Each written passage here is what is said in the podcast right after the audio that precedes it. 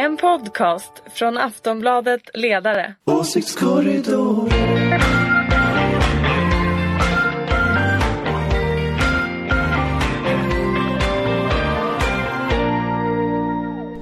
Ja, då är ni välkomna till Åsiktskorridoren, Aftonbladets ledarsidas podd.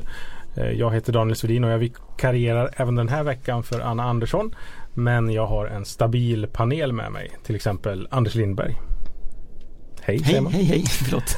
Ulrika Schenström Tjingeling! och Jonna Sima. Hej hej! Jonna och Anders jobbar med mig på Aftonbladets ledarsida och eh, Ulrika Schenström är moderat eh, mogul.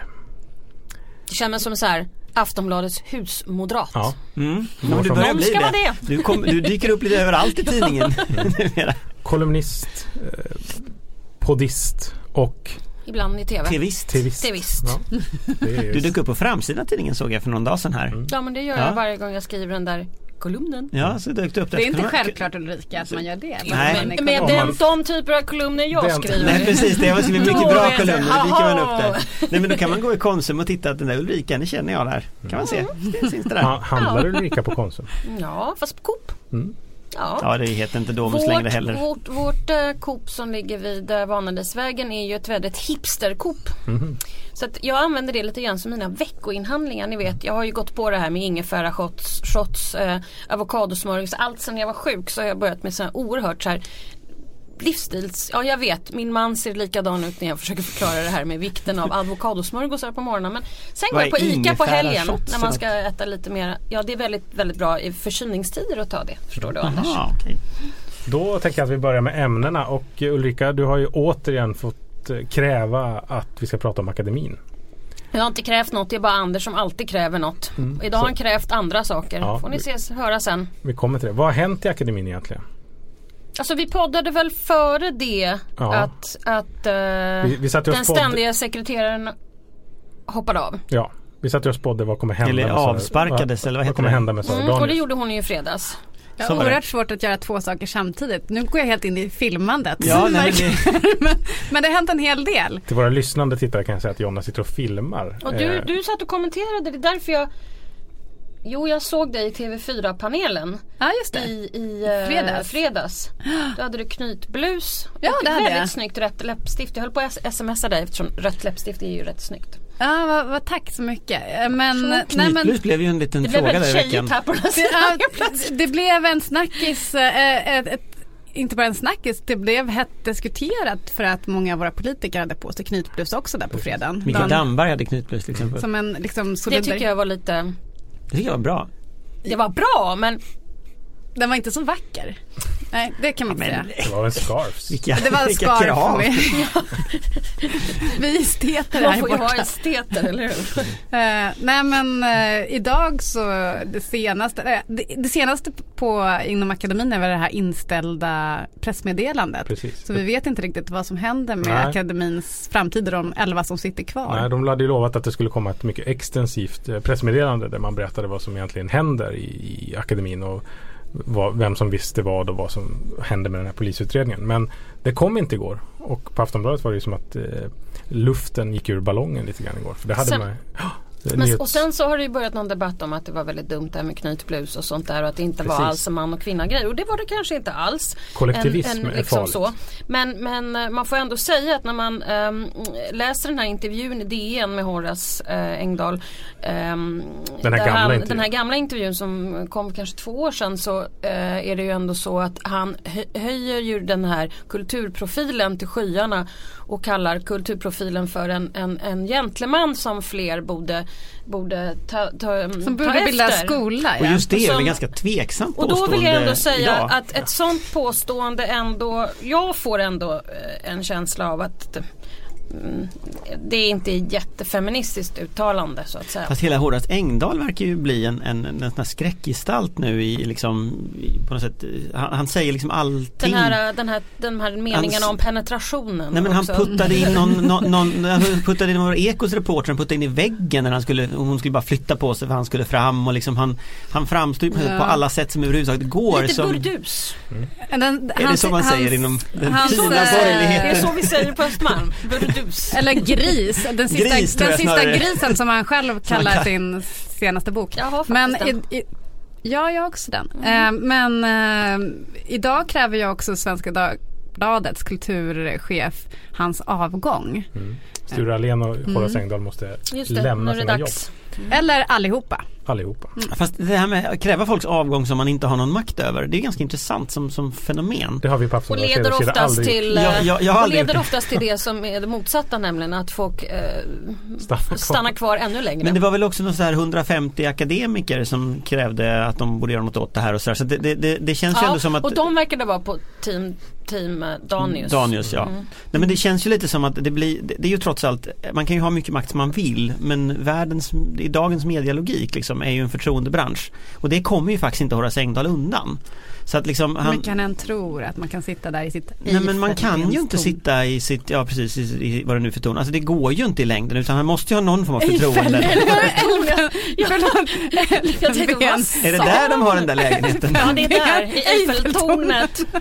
Nej men det kommer ju inte att gå så att det, blir, det blir ju trots allt så att någonstans så ska de ju göra saker, dela ut pris, det ska på något sätt, och det där är ju mycket show Det är ju- liksom. ja, Det är inte bara ja. pengarna som är poängen Nej, och, liksom. och de här akademikerna var ju väldigt oroliga för alla, allt det material som de använder i sin vardag. Alltså det med ordböcker och Ja, allt De delar ut fruktansvärt mycket stipendier också. Men en stor del av svenskt kulturliv bygger väl på eh, att akademin fungerar. Eh, och har man inget alternativ till det då blir det ju jobbigt. Men, men där kan man ju också tycka, man, man- det är kanske är så att kungen kanske inte kan gå in och reda ut det där men man kan ju konstatera att liksom allting runt akademin är ju trots allt skattepengar. Alltså de här verksamheterna de har, eh, att från att de delar ut Nobelpris som ju faktiskt är Nobelpriskommittén och inte de som gör det, alltså som har liksom makten över till liksom huset de sitter i, till allting. Det är ju trots allt en massa andra intressenter som ändå är demokratiskt i alla fall lite demokratiskt styrda. Så att de, de agerar ju inte i ett vakuum, de sitter ju inte på månen. Så trots allt, man borde ju kunna agera mot dem tycker man ju.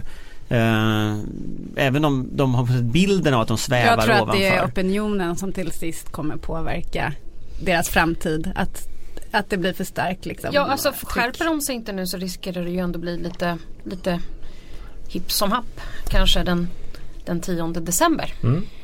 Då får Astrid Lindgren Nobelpriset postumt äntligen. Ja men det har jag väntat Ja. på. Ska vi prata om politik nu? För det kan, det, det kan vi göra. Det kan vi något om. Vi, vi får se. Det här, får, det här var för Jag tycker att det här är rätt mycket det politik. är politik. Ja, nej, men det är ju det. men det. har också hänt eh, andra spännande saker den här veckan. Det Ska vi lämna våra Ja, videolyssnare nu? Nu behöver vi en Jonna Sima som är superskärp. Spielberg där borta. som inte säger Eiffeltornet istället för. Elfenbenstorn. Ja, eh, Okej, vi ses i podden. Eh, Det har ju kommit ett eh, politiskt utspel idag från Socialdemokraterna. Vi spelar in det här onsdag, klockan är två. Det har kommit ett utspel från regeringspartiet Socialdemokraterna att om de vinner nästa val som är i höst så kommer de att införa, införa ett nytt system för invandring av utomeuropeisk arbetskraft. Stefan Löfven har sagt att 40 procent av dagens arbetskraftsinvandring handlar om lågutbildad arbetskraft i yrken där det inte finns någon brist på arbetskraft. Och då är det till exempel städare och diskare han pratar om. Och samtidigt så finns det eh, långtidsarbetslösa och nyanlända som behöver de här jobben mycket bättre än människor från till exempel eh, Thailand eller Vitryssland. Eh, och så tycker Löfven också att arbetskraftsinvandrare tas inte sällan hit, eh, tas, eh, inte sällan hit av skrupellösa arbetsgivare som utnyttjar människor. Så nu har de lanserat ett paket, Socialdemokraterna, att heltid ska vara norm vid arbetskraftsinvandring. Att arbetsgivare som vill anställa genom arbetskraftsinvandring ska förhandskontrolleras. Att de inte ska kunna ändra i arbetsvillkoren under tiden man jobbar. Eh, och att arbetstagare som blir utnyttjade ska ha rätt till skadestånd. Och så vill man återinföra den så kallade arbetsmarknadsprövningen. Att en myndighet, eh, tidigare AMS eh, och facken som tittade på om det finns brist på arbetskraft innan man får ta hit människor. Så man ska titta, finns det verkligen inga svenska diskare att anställa innan vi frågar om det finns någon vitrysk diskare att anställa. Eh, jublar ni? Eller ledsnar ni? Jag vet inte. Anders kan ju få börja prata om det här eftersom det är Anders som har krävt att vi pratar om det här. För en kvart sedan ungefär krävde han det. Chockade Jag är chockad. produktionen. Jag är väl inte så imponerad av det här förslaget överhuvudtaget. Jag tycker ju att, att dels så handlar det här ju om väldigt, väldigt få arbetstagare. Eh, jag är helt med på det här med 6 att 000 man, personer ungefär. ja, på helår ja. Ja. Eh, jag, jag, jag är helt med på att, att man, man behöver reglera det här med, med arbetstider och att arbetsgivarna ska fylla, uppfylla vissa villkor och sådär. Problematiken med arbetsmarknadsprövningen eh, den är ju ganska gammal. Den är ju att man, man ställer grupper mot varandra. Eh, och man på något sätt framställer det som att det finns liksom en viss begränsad mängd jobb och en viss begränsad mängd tillväxt som man ska fördela snarare än att tänka att en öppen ekonomi med invandring, med liksom export, med utbyte med världen leder till en större kaka att fördela. Och liksom den synen på ekonomi är någonting Socialdemokraterna då och då återfaller i. Förra gången var 2013 när man återföll i detta. Det blev inget av den då heller. Jag tror inte det kommer bli något nu heller. Eh, och, och då, då, blir man på något sätt att man blir liksom rädd för liksom det nya, det förändrade landskapet, den förändrade arbetsmarknaden i det här fallet. Och jag är inte så för det. Jag tycker att liksom Jag tror de där, det där och 6000 är alltså hela gruppen. Det, det som det Löfvens förslag skulle beröra är kanske 2 2000 personer någonting. Uh, vilket är alltså ganska lite människor. Om man tänker att Sverige tog emot 160 000 flyktingar som då ska ta de där 2000 jobben så blir liksom den konflikten helt konstruerad. Uh, så att jag, jag, är inte, jag är inte jätteimponerad. Jag vill hellre prata om så här sjukvård eller Nya Karolinska eller något. Liksom. Oh, där kom den igen, NKS. Det tog alltså sex minuter idag. Da, da, da. Det är snart rekord. Men eh, konflikter på arbetsmarknaden skulle man kunna tänka sig uppstår också om man får en underbudskonkurrens genom att man eh, tar hit eh, människor utifrån. Eh, Absolut och grejen är att eh, det är klart att på ett sätt så är det så att tar du hit om, om de 160 000 flyktingarna som kom allihopa ska in på arbetsmarknaden till enkla jobb och låga löner och så vidare. Det är klart att då får du en, kan du få en underbudskonkurrens. Och då är ju lösningen kollektivavtal. Och lösningen är ju regler på arbetsmarknaden, starka fackföreningar som kan kämpa för kollektivavtal. Men, men, men att ställa de där kanske 2000 personerna mot de 160 000 och tänka att, att det är liksom konflikten. Inte andas längre. Nej, Nej men det är liksom konflikten. Det tror inte jag den är. Liksom. Det, här är det här är lite mer symbolpolitik. Nu vill uh, Ulrika jag vill, bara, jag vill bara säga så här. Om ni läser. S vill strypa införseln av lågutbildad arbetskraft till Sverige till förmån för svenska arbetare. Känns inte detta som återigen ett sånt här utfall för SD-panik. Igen! Den där bilden som vi pratade om. Det här med svenska arbetare. Mm. Det här tror jag ju i praktiken är så att man försöker hantera det här med, med, med eh, de nyanlända som inte har kommit till arbete än. Uh, och försöker ordna upp den statistiken lite grann tror jag. Men framför allt tror jag att detta är återigen ett SD-panikutfall. Men är det inte, inte bara panik utan jag tänker att Eh, det som både de som vill ha eh, arbetsmarknadsprövning och de som inte vill ha arbetsmarknadsprövning eller oavsett vad man står i synen på arbetsmarknads, eh, arbetskraftsinvandring är ju att man vill blanda ihop det här med asylinvandringen. Mm, För att det är egentligen det som alla vill prata om och så har Jag tror bland liksom folk bland folk så är det också svårt att hålla saker och ting i, i, isär. Visst, och det smälter ihop och det är det som är lite farligt med Men det här. vi behöver ju verkligen arbetskraftsinvandring i det perspektivet. Till exempel saknar vi väldigt många ingenjörer för närvarande. Och eh, det kom, ska de strypa det också? Jag har Nej, inte det ska de strypa det. De ska Nej. bara strypa lågkvalificerade arbeten. Ja, men det är ju bara för hand men det, det beror på, hur, ja, men, det beror på hur man presenterar det här också. Alltså, problemet med den här bilden eh, med Stefan Löfven som eh, sossarna skickade ut förra veckan som vi diskuterade där eh, ja, jobb ska gå till svenskar och inte till utländska liksom, eh, arbetare. Det blir ju också att man lägger skulden för skurkaktiga arbetsgivare på de här arbetstagarna istället för att eh, rikta rikta kritiken liksom mot och, och, skärpta regler och så vidare mot, mot arbetsgivarna. Så det är det som jag tycker är det farliga i det här. Men, att det blir sen, lätt att man slår mot de som redan lever i skuggsamhället. Jo, alltså jag tycker du har, helt, du, har helt, nej, men du har helt rätt i det och det finns ett problem med hela den här, så här protektionistiska vågen som nu finns i olika länder. Alltså i USA så pratar man om, om, om frihandel som ett problem. I flera EU-länder börjar det liksom komma upp det här någon slags ekonomisk nationalism, att man ska liksom värna sina egna först och sådär. Jag tror ju att det här kommer att leda till att vi alla blir fattigare. Eh, och jag tror liksom att den här idén, alltså vi har en globaliserad ekonomi. Vi, vi, vi, hela vårt land bygger på export, det är det vi tjänar på liksom. Så att jag vet inte, jag, jag, he, alltså ingången blir på något sätt helt fel. Får jag bara fråga en sak, ja. vem ska hantera det här? Arbetsförmedlingen eller Migrationsverket? Det har man inte sagt Nej. utan det är en myndighet ju... som ska byggas upp eller äh, Nej, inte en till myndighet eller, eller för 6000 jobb som ska kosta hur mycket då?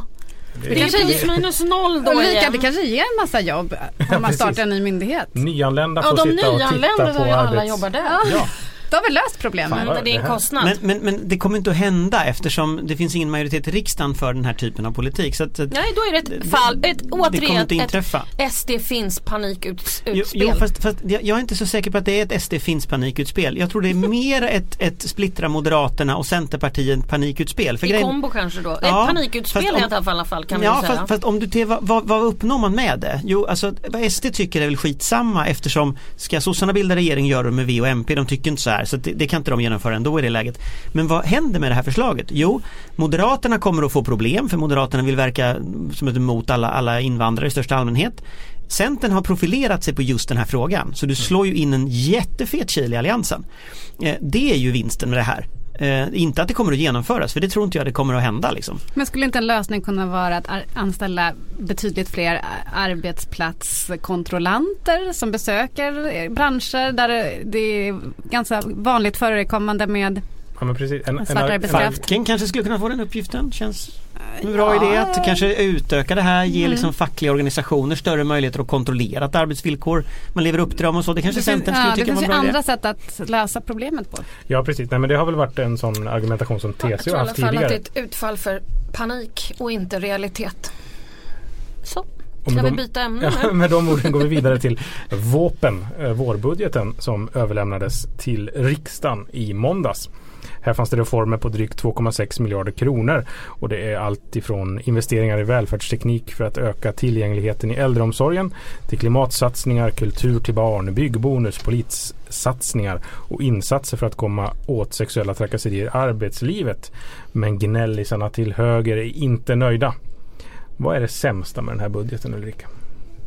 Nej, men, nu tänker jag svara väldigt mycket som en politiker. Ja. Jag, jag, har inte alls tänkt i det sämsta perspektivet. Ja, det sämsta är ju att det är ingen som, jag menar vi har ju otroligt många stora frågor att ta tag i när digitaliseringen slår in, kvinnor finns på högskolor och universitet. Vad kommer att bli de stora frågorna om tio år? Ja, det kommer att vara kvinnor som befolkar och folk kommer omsk behöva omskola sig. Det finns otroligt många stora saker framöver. Det kommer troligen, i alla fall enligt en av mina favoriter Göran Persson, mm. en, en, en låg konjunktur här i mitten på nästa mandatperiod. Det finns väldigt mycket saker att ta tag i.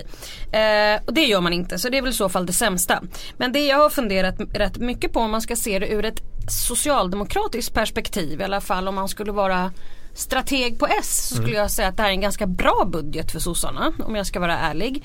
Vi får ju inte glömma bort att Brexit egentligen äter upp hela budgetutrymmet och reformutrymmet i, under nästa år vilket gör att man ändå spelar med pengar här.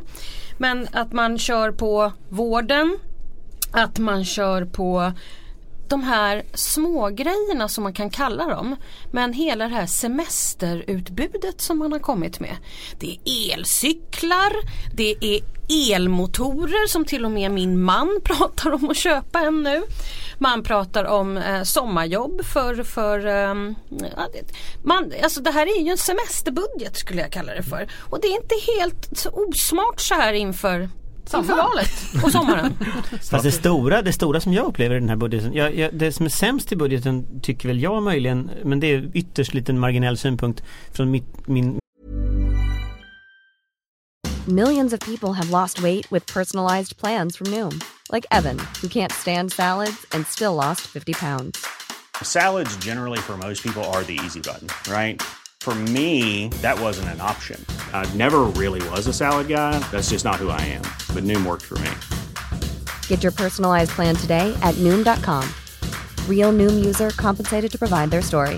In four weeks, the typical Noom user can expect to lose one to two pounds per week. Individual results may vary. Min horisont är väl att man har inte tagit ett steg till när det gäller försvarskostnaderna. Där har man ju ett litet dilemma. Men jag, det är ingen som håller med mig om detta till vänster. nog på det. Moderaterna Jo, jag såg att Moderaterna tyckte som jag. Men, men, men så det tycker jag väl är möjligen är det problemet att man, man la här i vår en jättestor rapport från, från eh, försvarsberedningen om mm. att nu ska vi stärka beredskapen och enormt så att säga, samhällsomvandling och sen har man liksom inte följt upp det mera konkret. Man har lite cyberförsvar och sånt vara, där. Men å andra men, sidan men, vården eh, det som jag tycker är bra med budgeten. också kommunkostnaden för, för den eh, Ja, men det är en gammal kostnad eh, ja, från, absolut, från 2015. Så, men, Kommunerna men, blir säkert ganska nöjda oavsett vilket parti som följer, leder vilken kommun. Men om man tittar på liksom, det positiva med budgeten, så, för det är en marginalsynpunkt skulle jag säga, där med försvaret. Jag tycker den är huvudsakligen bra och det är att den den eh, reglerar nu liksom tydligt att det här valet ska handla om, eh, om eh, vad heter sjukvård. Mm. Det ska handla om polis och det mm. ska handla lite grann ändå upplever jag, mycket mindre än förut, om invandring. Under ytan är det ett jätteskifte. Alltså går vi tillbaka ett år i tiden så hade alla trott det skulle bli ett migrationsval. Exakt. Eh, och nu är, är det, helt uppenbart det? att ingen tycker Nej. att det ska bli ett migrationsval. Nej. Har vi tur så blir det inte heller ett polisval. Utan Nej, har vi det kommer tur, bli ett välfärdsval. Det blir ett välfärdsval. Och det, om man läser, speciellt om man läser första kapitlet, har ni gjort det? Om ni inte har gjort det, läs inledningen till budgeten i finansplanen. finansplanen. Ja, finansplanen. Inte alls Ulrika, skadade Nej, jag vet. Ulrika vet precis. Läs den.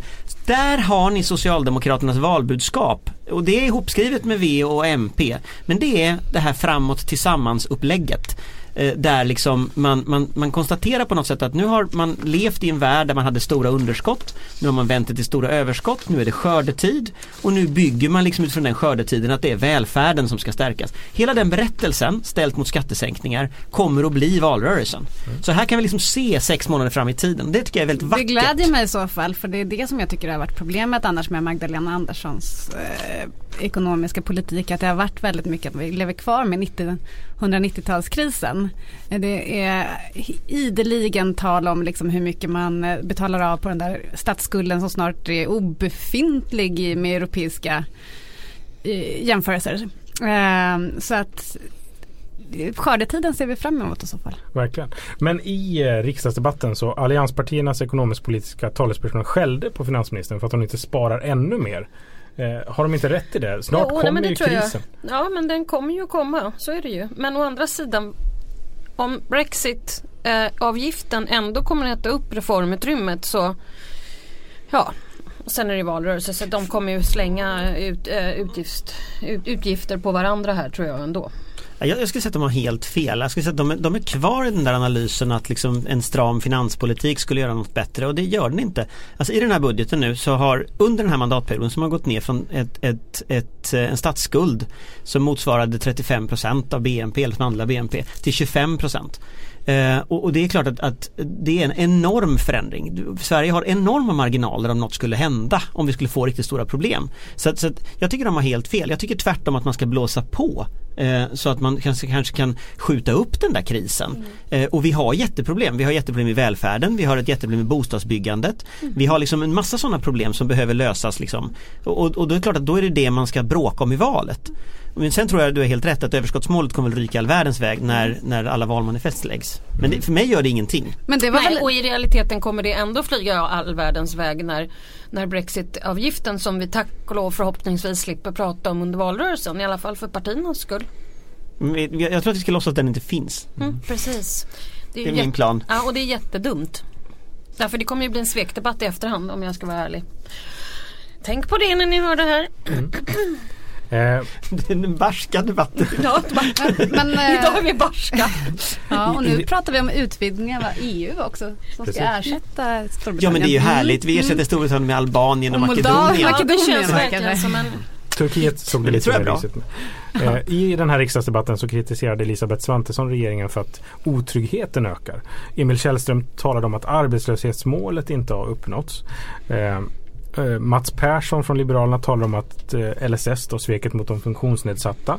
Och Jakob Forssmed sköt in sig på vårdkrisen. Och samtidigt så har skatten ökat med 47 miljarder kronor netto under den här regeringen. Vad fan får jag? En hel del bra fördelningspolitik. Eh, vi har ju fått flera alltså, sådana punktinsatser som höjda barnbidrag, höjda eh, bostadsbidrag för fattigpensionärer tandvårdsbidrag. Det tror jag var smart. Ja. Tandvården, den tror jag kan vara en nyckel. För en, och, ja, eh, det tror jag absolut. 14 000 fler i sjukvården. Inte titta så mm. konstigt på oss båda två. Ja men jag håller med dig, det var lite otäckt. Mm. Ja. Nej, men tandvården var jättebra och gratis glasögon för eh, unga upp till 18 år, gratis sjukvård för äldre över 85. Alltså det är ju väldigt bra eh, för jämlikheten i landet på det viset. Men eh, man kan alltid vilja ha mer, mm. eller hur? Det vill man ju alltid. Mm. Men sen är det väl också det att, att det var ju en erbarmligt usel debattinsats från de här borgerliga talespersonerna. Lite med undantag av Elisabeth Svantesson som ju ändå liksom hon låter ju ändå som att hon är lite intresserad av ämnet. De andra lät ju ärligt talat helt uttråkade. De hade inget att säga, det var för repeterat Det var liksom Det betydde ingenting det mesta. Eh, Hur kan det vara så ett valår? Ja, det fascinerar mig faktiskt. Det fascinerar mig. Elisabeth Svantesson var ju ganska snabbt ute och drog liksom Moderaternas huvudsakliga politiska idéer och liksom ändå levererade dem. Men i, från de andra kom det ju ingenting. Och det där, det, det, det blir lite undrande liksom. Vad, väntar de att partiledarna ska dra det sen då? Att de liksom inte vill på något sätt berätta saker nu? För att det var nog faktiskt en av de sämsta debatter om en budget. Alltså det är en väldigt bra budget men det var en extremt dålig debatt. Mm. Eh, och liksom det var ingen ideologisk spänning alls. Det var liksom Ja, det, var, det, var, det var väldigt märkligt på det sättet. För att lite liksom, och för sent verkar det vara. Ja men det var så här, för lite, för sent, för långsamt. Vad fan, det är väl ingen kritik? Det är ju sånt där som man hittar på innan för att man inte har något att säga. alltså sådana där kommentarer skriver man ju därför att man inte vet vad de andra säger och sen så ändrar man dem efteråt. Men här har de bara fortsatt. Det är för lite, det är för lite, det är för lite. Jaha, okej. Okay. Och Vad vill kom, ni då? Och sen kom Liberalerna idag med, med språktest typ Mm, eller precis. språkskola igen. Men det gör de alltid. Men tänk, ja, men det gör de Lika- ofta. I alla fall senaste var ju den där, det var ju 2002 när Lars Leijonborg Var det senast? Ja, Det kändes som att det 2002. var förra valet också. Ja, nej, men det gjorde de säkert. De försöker väl köra den där varje gång för att det lyfte en gång. Gud vad elak jag är det? Men alltså det, det partiet verkar ju vara liksom återanvändningsparti på alla områden. Men det De verkar ska ha vara väldigt- skolfrågan liksom. Tjing Ja, jag tror att det skulle behövas lite mer intellektuell akademisk höjd i partiet. Jag tror att han centerpartisten borde byta slips för han hade en svart slips på sig. Det är så här begravningsstyle liksom. men han tyckte väl att det Är det där härskarteknik att inte Nej, men jag tror nämna han skulle någon vinna på det. namn? Han borde haft en nu kniv. Det är lite såhär Jan Guillou. Nej men jag tror faktiskt han skulle vinna på det därför att, därför att Han? Ja men han, Emil Källström heter han. Kommer ni inte ihåg, kommer ni inte ihåg när de var liksom ett, ett band, de där fyra, såg ut som Dressman-reklam? Jo, verkligen. Det gör de inte längre, de ser liksom deppiga ut. Backstreet Boys. Sexa till er att- killar. Sex Pistols. Alltså det brukar vi ju ändå prata om här att det handlar inte om kläderna. Fast lite handlar det om om du ser glad ut. Om om du går in med tänderna. en svart slips och ser deprimerad ut. Det är inte så att du känns som Jag tror han tror att han piffigt. ser lite, Sexig ut. lite det var du som sa. Men jag satt i SVT morgon i måndags eh, och pratade knytblusen återigen.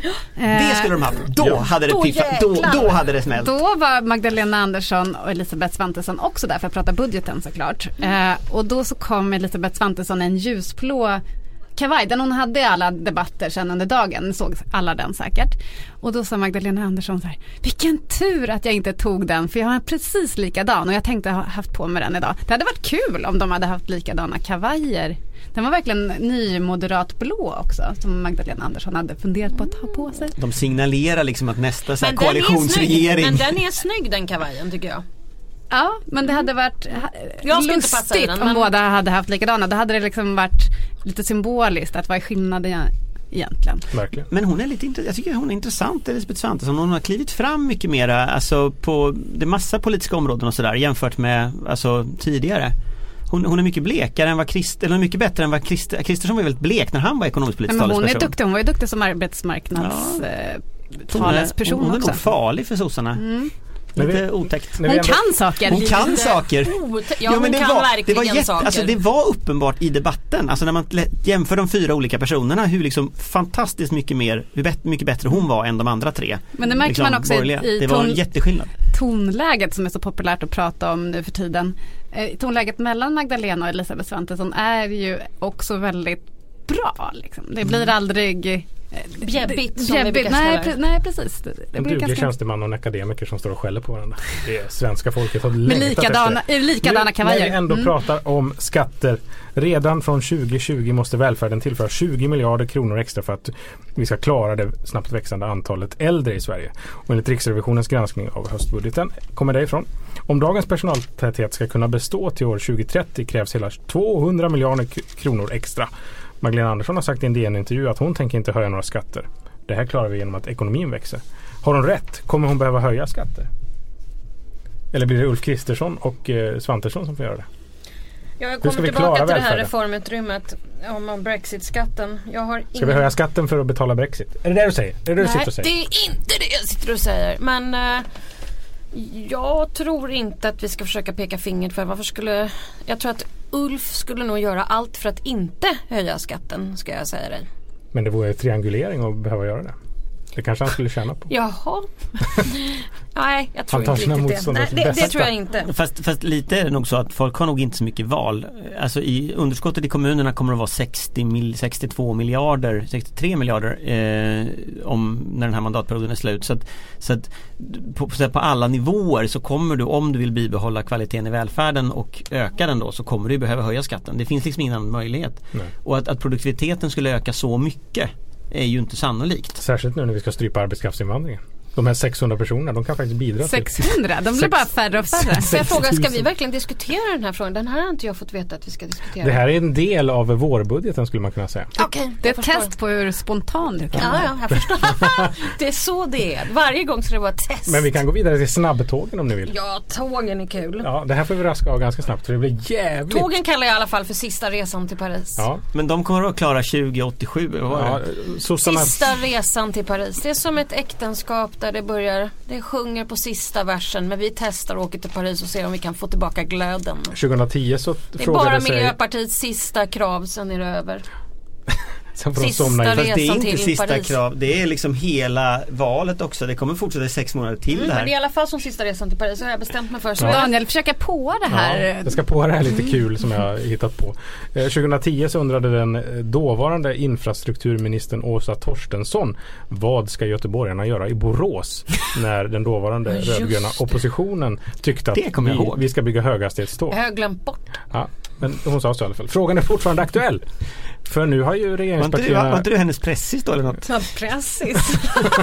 det där, det där var också sånt där Härskar. Härskarteknik. Alltså var det? Det gick mig högt över huvudet. Ja. Jonna drömmer om att Härskarteknik. vara pressis åt en centerpartistisk. Till Åsa Torstensson eller vad hon Nej, Som om jag skulle ha jobbat med Centerpartiet. Hur som helst, hur som helst, kära människor. Så är det så att eh, nu ska det bli eh, snabbspår. Eh, S och MP är överens. Nya stambanor som ska vara klara år 2045. Kostnadstaket har satts men det får vi inte veta hur, låg, hur var det ligger. Men det ska vara lägre än det man har sagt tidigare, 320 miljarder. Eh, man vet inte hur snabbt tågen egentligen ska kunna köra. Och eh, man vet inte heller hur man ska finansiera det här. Blir det med lån eller blir det löpande kostnader? OPS föreslår jag. Ja, Åh fem. nej. Jag skämtade. Och nu, nu, har i alla fall, nu har i alla fall tokhögern sagt att de vill vara med och förhandla. Och så det kan bli det här. Eh, blir det höghastighetståg nu? Vem är tokhögern? Det är. Moderaterna. Det är Liberalerna. Jag såg att det är KD var ute såg jag. Men Och det är Det Centerpartiet. där är ju inte ens roligt Daniel. Det där är ju bara tråkigt. Pleasing the crowd. Tråkig ton Tråkigt. tycker jag. Höj tonläget. Den Men låt mig höja tonläget. Jag tycker det är bra med höghastighetståg. Men jag vill att de går hela vägen till Berlin. Och sen vill jag att de ska kunna finansieras också hela det här bygget. Och jag tycker också att det vore bra att kunna åka lite snabbare. Ska men vi jag vet låna? inte- Ska vi låna? Ska vi låna? Låna pengar? Nej, alltså jag, nej. Jo, jag, det är klart vi ska låna. Jag tycker också det.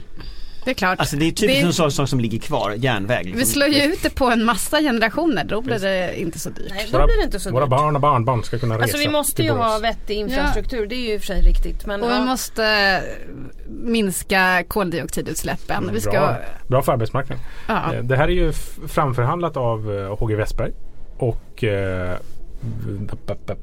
ja, en annan borgerlig statssekreterare. Det här Sverige eh, paketet, Paketet. Sverigeförhandlingen. Mm, Katarina. Eh, precis, Elmsäter-Svärd. Nej, Eh, Torstensson, nej. säg då. Eh, Hon heter Katarina Håkansson. Hon har ett långt namn. Ja. Skit i det. Ta Politiska reda på vad allmänbildningen på de- hög nivå. De, de tyckte i alla fall Håkansson Boman. ja, de tyckte i alla fall att det här skulle lånefinansieras. Men Va, men varför har, varför håller talat, Moderaterna om på vi, och om, vi nu, om vi nu velar? håller på och tjafsar om NKS Mm. och det var ett sånt OPS. Mm. Då kan vi kanske inte tycka att ett snabbspårsjärnväg ska betalas på samma sätt. Nej, Nej, vore det har ju inte riktigt, riktigt fungerat. Men, men vadå OPS? Det är väl, att, det, OPS är väl något annat? Alltså, Ja, det är väl inte att man lånar. Jo, men det är någonting annat. Men nu- privat och offentligt i OPS där, det samverkan. var Det är det jag största lånefinansierade projektet sedan regalskeppet Vasa. Nej, Sen men, eh, det- Arlanda Där Express. vi kan säga det igen. Arlanda Express har ju däremot funkat. Om man Det är ska ganska vara dyrt där. också. Ja, det är ganska dyrt. Ja, men det är ändå fortfarande Det så är att det har Europas funkat bättre. dyraste Ja, det är ju ett sjukt. Och den har också Vi kanske skulle jättekonstiga... bjuda in Hans Lindblad som är riksgäldsdirektör och som eh, kan allt om OPS eller som också kallas för PPP. Om hur osannolikt dåligt det är i alla projekt. Ja, ja det blir väldigt dyrt. Men, men om man hoppar extremt. över OPS-delen, för det tror jag känns ändå som att det har lite dåligt ja, rykte bra, just nu. Det får man säga. Alltså, men, men ändå, alltså, idén om att lånefinansiera infra infrastrukturinvesteringar tycker inte jag är dålig. Det är väl inte, varför så. är det så kontroversiellt? Alltså det här handlar ju om en investering i framtiden. Ska vi åka på samma stambanor sedan 1800-talet? Det här är också 1900-talet. Eller 1990-talet. Det är väl det. Rädslan för att vara skuldsatt. Göran Persson igen, den som är satt i skuld, skuld är icke fri. Men det vet ju varenda bostadsrätts... Den som är satt i skuld har ett snabbtåg å andra sidan. Det vet väl liksom... tyvärr alla bostadsrättsägare att det inte stämmer. Får... Utan att det är en investering också. Men vi får väl se hur det här förhandlas med uh, Alliansen. Just det, mm. det får vi verkligen göra. Mm. Skärpning Moderaterna säger jag. Ja, jag vet inte. De... kom det ifrån? de borde haka på det här, det här nu. Det här är som torgmöte plötsligt. Kristdemokraterna tycker, har ju landat i att man tycker ja, som Miljöpartiet att det ska lånefinansieras. Övertala dina kamrater nu. Det här är bra för kommande generationer. Ja. Mm. Det vi inte har pratat nu det är ju Carl Bildts medaljong i riksdagen. ja. Trollet! Fantastiskt! Den borde vi prata om tycker jag. Det är lite svårt, det är inte ett bildmedium det här men vi kan lägga med Vi kan lägga med den. Ja, Tänk er ett John Bauer-troll. I, I koppar eller vad var det gjort då? Jag vet inte, jag tyckte det såg ut som sån här motorsågskonst. Jag tyckte det var coolt. När, när man skär med motorsåg i, i någon stubbe. Carl Bildt var ju ganska han, han tog det på ett roligt sätt. Han hade skrivit att han hoppades att det inte skrämmer bort någon från att besöka Sverige. Mm. Eh, och så det får man hålla med honom i. Det var inte Man får ju ändå säga att det Vi tittar nu här då på bilden och den är ju Ja. Är det så, inte, är det så du minns honom? Han är inte bildskön på bilden om man säger så. Fast det är väldigt coolt att de kan, att de kan vara lite, att det kan rocka lite ändå i riksdagen. Om man tänker på den stora bysten av Hjalmar Branting. Ja det är tur att han har det. De här bysten av Hjalmar Branting piggar ju inte upp någon liksom. Så det är ändå, det är ändå roligare det, än dem. Det var roligt. Det ser ut som en lerklump bara. Ja. Men det får man väl kanske inte säga för då är man väldigt... Det är så konceptart från mm. Sagan om ringen. Då, är du, då är du rasistisk mot lera. Då är du mot konst. Jag är mot konst Mot ny konst. Ja, Annars är ju annan konst som är väldigt känd just nu. Ja. Nej men det var en rolig reaktion på det där för han var ju... Porträttet på Carl Bildt, en stor blå penis på Kungsholmen. Ingen såg det komma. Han tog det ju med ja, men Det roligaste med det var ju att, att Liberalerna i Stockholm fick lov att det, försvara. Eh, försvara det där och, och dementera att det var de som hade satt upp den blåa penisen på Kronobergsgatan. Det var roligt. Nej, det kom, detta kommer ju Liberalerna att få äta upp alltså. Ganska det här kommer länge. Ju, det här kommer ju fortsätta under valrörelsen. Den där. Vi får väl hoppas att det skapas Skulle ny... de ta bort den? Eller ja, det skulle ja. de, de tar... En vecka hon, den här kvinnan måste ju göra det där bara för att få lite PR. Tihi. Hon lyckades ju rätt bra ja, måste man absolut. säga. Och tydligen hade hon uh, satt upp en vagina på någon skola för några år sedan. Ja, men det och det blev också ett jädra liv. I Eskilstuna. Det var känsligt också. Men då kan man ju sätta upp sådana där lite överallt runt om i Sverige. Men kan inte du också börja med det? Få lite uppmärksamhet. Jag är inte bra på att rita. Men det har varit en bra vecka för konsten. Den har fått stor uppmärksamhet i och med penisen och Carl Bildts medaljong. Mm. Och så bråkar vi om akademin. Det här är det mest kulturintresserade folket som vi har haft i Sverige inom Sveriges gränser sedan Gustav IIIs tid. Ja men det är mycket kulturpolitik ja, sedan 1776. Ja Alice Bah Kuhnke är också ständigt Ständigt i ropet. I ropet ja. ja hon har nu blivit Håller kritiserad hon? också av um, den rökandes Kristina um, Lugn. Ja, jag trodde du menade Linda Nordlund på Expressen. Men eh, nej just det, Kristina Lugn också. Mm. Kristina Lugn var upprörd. Alice Bah Kuhnke har fått skäll idag för att hon är emot uh, att man bränner ner samiska kåtor. Jo, just det. Det får, det får man inte vara som minister. Nu tycker jag att vi eh, samlar ihop oss och säger godnatt och tack för den här veckan. godnatt! Jag säger trevlig helg! Trevlig helg! Trevlig helg! Trevlig helg.